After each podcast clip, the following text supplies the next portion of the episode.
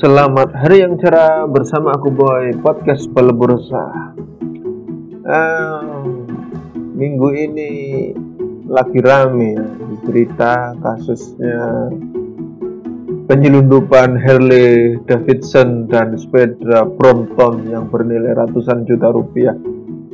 Woo, Keren boy. Namun kasus penyelundupan ini kalah kalau viral dibandingkan dengan praktek prostitusi dan uh, apa selir-selir yang mengitari si oknum AA ini Raja Udara yang konon menikmati kekuasaan dengan cara yang semena-mena. Bahkan ada selirnya yang mem sanggup mempengaruhi kebijakan di dalam perusahaan itu. Hebat betul sih selirnya itu. Satu selir itu katanya yang itu ada kesaksian dari uh, teman-teman di IKG apa di sesama karyawan sesama pramugari itu. Aduh. Memang ya kalau soal cewek Harley dan Brompton yang mahal aja bisa kalah viral gitu lebih karena ya memang sih kasus prostitusi itu memang sangat memalukan sebenarnya. Dan bukan barang yang baru. Dan selalu kalau masalah yang satu itu akan menjadi obat pemersatu bangsa. Semua akan fokus ke sana. Teralihkan salah fokus. Dan yang lebih heboh lagi saat si AA ini sang raja udara ini digulingkan dari singgasananya banyak anak buahnya, rakyat-rakyatnya ini yang bersyukur atas tergulingnya AA ini. Sepertinya memang sangat tidak baik ini AA ini, sangat semena-mena, sangat dolim ini mungkin. Karena banyak yang mengadakan acara tasakuran katanya ini. Aduh, saya jadinya malah apa ya kasihan ke anak buahnya. Berarti selama ini bekerja dengan tekanan yang luar biasa ya semoga lah mereka mendapatkan pengganti pemimpin yang lebih baik, yang lebih apa mulia, lebih baik hatinya itu sehingga tidak ada kasus prostitusi dan apa uh, pengambilan selir ini. Karena apa saya kok ragu ya jika orang-orang pramugari-pramugari yang mau menjadi selirnya itu apa dengan sukarela. Sepertinya mungkin bisa jadi karena terpaksa karena urusan ekonomi karena urusan apa jenjang karir. Karena tekanan sana sini bisa jadi. Ya mungkin ada yang dengan kesengajaan mungkin mungkin ya. tapi masa sih ada segitu banyaknya perempuan jadi nomor 3, 4, 5 ya nggak tahu lagi ya jadi pengen eh nggak ada kuyon main kuyon bercanda. Oke jadi gini. Uh, kasus tentang apa isu selir ini dan isu prostitusi di, pra, di pramugari ini menambah daftar stigma negatif uh, pramugari karena apa banyak sekali masih cowok-cowok yang piktor pikirannya kotor mesum ke mana-mana itu yang menggoda dengan tidak hormat pramugari. Misal mem memaksa meminta nomor telepon me, apa ada yang kasus pemukulan kapan hari itu ada yang apa berkata-kata kasar. Bahkan aku juga pernah ketemu ibu-ibu adalah mama mau apa ngedumel dengan cukup cukup apa ya, cukup terdengar sebenarnya oleh pramugari mengatakan apa itu pramugari kurus gitu? Nggak sehat gini gini apa apa kemayu apa ya kemayu sok cantik gitu. Ada yang itu padahal itu ibu-ibu loh heran gue. Saya bilang ke pramugari yang sabar ya mbak ya gitu. Karena kalau emak-emak kayak gini aku nganu apa aku marahin nanti ya tambah rame itu pesawat itu aduh kasihan ke pramugari. Ah, padahal pramugari itu tugasnya berat loh.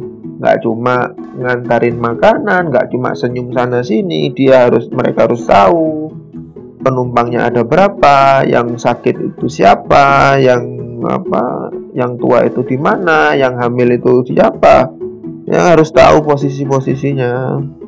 Dan harus siaga tetap apa pada apa pun yang terjadi. Karena ketika ada pendaratan darurat kejadian-kejadian yang tidak diinginkan yang bertugas mengamankan menenangkan dan mengevakuasi itu pramugari.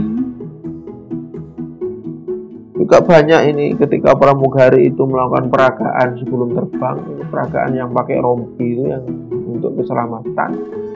Itu banyak yang nggak mem, tidak memperhatikan. Banyak yang apa tidak menghargai ya awalnya nggak ju ya, jujur aja nggak munafik. Dulu aku nggak memperhatikan apa sih? Itu setelah tapi setelah aku tahu bahwa ternyata jadi pramugari itu tidak semudah itu dan tidak jelek seperti yang stigma yang berkembang di masyarakat ternyata penting. Dan akhirnya aku membeli apa menghargai dan aku aku luangkan waktu untuk memperhatikan bagaimana pramugari itu. Dan pramugara tentunya Eh, memeragakan keselamatan sebelum penerbangan. Aku apa berbuat yang santun ya tidak menggoda-goda dengan seperti itu. Ya jujur apa saat bertemu pramugari aku nggak pernah negatif aku hanya melihat uh, hebat ya pramugari ini ya, konsisten dan sangat profesional bekerja karena dia harus tersenyum harus posisinya berdirinya bagus, harus berkata yang uh, santun dalam kondisi apa pun. Kita nggak pernah tahu dia sedang dalam kondisi yang bad mood atau good mood, dan itu nggak nggak tahu.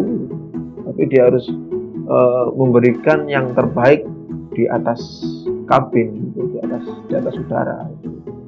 Menurutku gini, menurutku sih, kalaupun kalian para cowok-cowok yang ingin menggoda pramugari karena apa terpikat oleh kecantikan atau pribadi salah satu pramugari di pesawat. Boleh-boleh saja asal menggodanya itu dengan cara yang terhormat yang keren. Jangan maksa jangan kampungan dong. Anda cari jodoh bukan cari tit sensor. Kalau anda cari tit sensor ya jangan di situ dong. Jangan merendahkan harga diri anda sendiri sebagai seorang pejantan tangguh. Kalau Anda menggoda dengan cara melecehkan, Anda nggak ada bedanya dengan si oknum AA yang sudah dipecat tidak hormat. Kalau kalau Anda itu kemudian sakar PDW semaunya sendiri, berarti kan Anda nggak ada bedanya dengan dengan orang yang gila gila perempuan gitu. tolonglah. Pramugari itu juga cewek jangan dianggap rendah. Hebat loh pramugari itu. Yang satu yang jelas kelebihan pramugari ini aku sebagai orang luar ya yang melihat pramugari. Pramugari itu pertama memiliki kemampuan untuk berkomunikasi yang baik. Jelas itu. Kalau nggak komunikasinya komunikasinya jelek pasti dia nggak lolos jadi pramugari.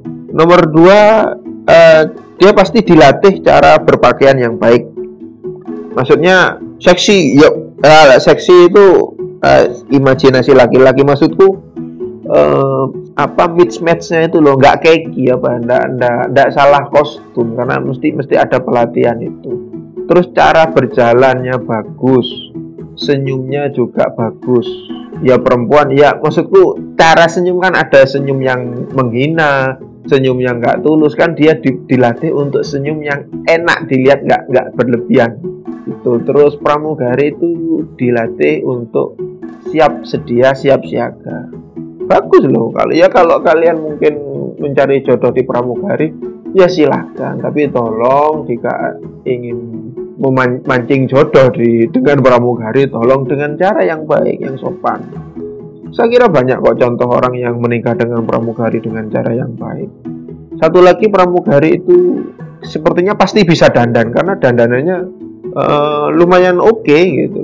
Karena aku sebagai apa penggemar seni melihat cara dandan yang pramugari selama ini nggak pernah kecewa sih. Itu sih menurut uh, apa yang aku pikirin saat ini. Dan janganlah seperti orang-orang itu yang ya katakanlah si oknum AA ini ya. Sebenarnya oknum AA ini kan bukan satu-satunya. Ya. banyak kok yang raja-raja kecil yang semena-mena dan memuaskan hasratnya dengan banyak wanita bermain wanita. Sama sekali tidak ada penghargaan terhadap wanita. Sayang sekali. Padahal aku dulu pernah sih dikasih dinasehati oleh temanku sahabatku dia bercerita tentang seorang raja dan penasihat. Suatu ketika tidak uh, di dalam suatu kerajaan zaman dulu ada seorang raja yang dihadiahkan 40 wanita sebagai calon selirnya. 40 wanita ini diambil dari 40 desa yang berbeda oleh seorang menterinya. Menteri yang terkenal apa uh, menjilat penjilat itu apa ya? Ya ngato nih bahasa Jawa nih apa ya? Uh, ya begitulah orang yang cari muka uh, cari muka asal bapak senang. Nah, ini menghadiahkan 40 wanita. Semuanya dipilih diseleksi dengan cara yang seksama. Bahkan sang raja juga mendengar uh, ada sisi kesemena-menaan dari menteri ini. Ada salah satu perempuan yang diambil paksa. Bahkan perempuan itu ada yang sudah bertunangan bahkan akan menikah. Nah, karena bijaksananya raja ini, raja ini menemui penasihat raja, raja yang notabene itu sahabatnya. Dia cerita, wah penasihat ini gimana? Aku dapat hadiah seorang empat hadiah 40 selir sedangkan aku tidak mau urusanku terganggu karena wanita karena kesenangan wanita karena guruku dulu mengajari urusan rakyat bagi raja itu nomor satu. Sedangkan apa sering kali wanita itu membuai dalam kekuasaan. Akhirnya sang penasihat ini yang juga uh, sahabatnya itu memberikan usul bagaimana jika Baginda memberikan hadiah sekantung emas dan apa beberapa kain sutra serta baginda memberikan surat kepada masing-masing wanita itu yang berisi ucapan terima kasih dan memberikan gelar kehormatan kepada mereka. Akhirnya Baginda setuju, namun Baginda juga meminta syarat kepada sahabatnya itu, kepada penasihatnya itu, aku mau melakukan itu asalkan engkau yang menyampaikan dan memberikan hadiah itu. Lalu si penasihat raja balik bertanya, "Kenapa begitu, Baginda?" Karena jika sekali aku melihat mereka, aku takut hatiku tidak mampu. Gitu. Akhirnya penasihat itu bersyukur dan berkata, "Sungguh, Mbak, negeri ini telah diberkahi dengan raja yang bijaksana." Kenapa? kita sebagai laki-laki nih tidak menyontoh si baginda raja ini. Jangan-jangan kalau aku dan kamu yang di, di posisi raja ini ya jelas diambil dong batulu itu. Apalagi si Tit Eman Eman banget Ya janganlah Semoga negeri ini diberikan pemimpin-pemimpin yang bijaksana yang tidak hanya suka bermain-main di sana sih. Sampai jumpa lagi, terima kasih. Saksikan dan nantikan terus channel Berberesah setiap Rabu dan Sabtu. Follow ya dan subscribe. Gratis loh.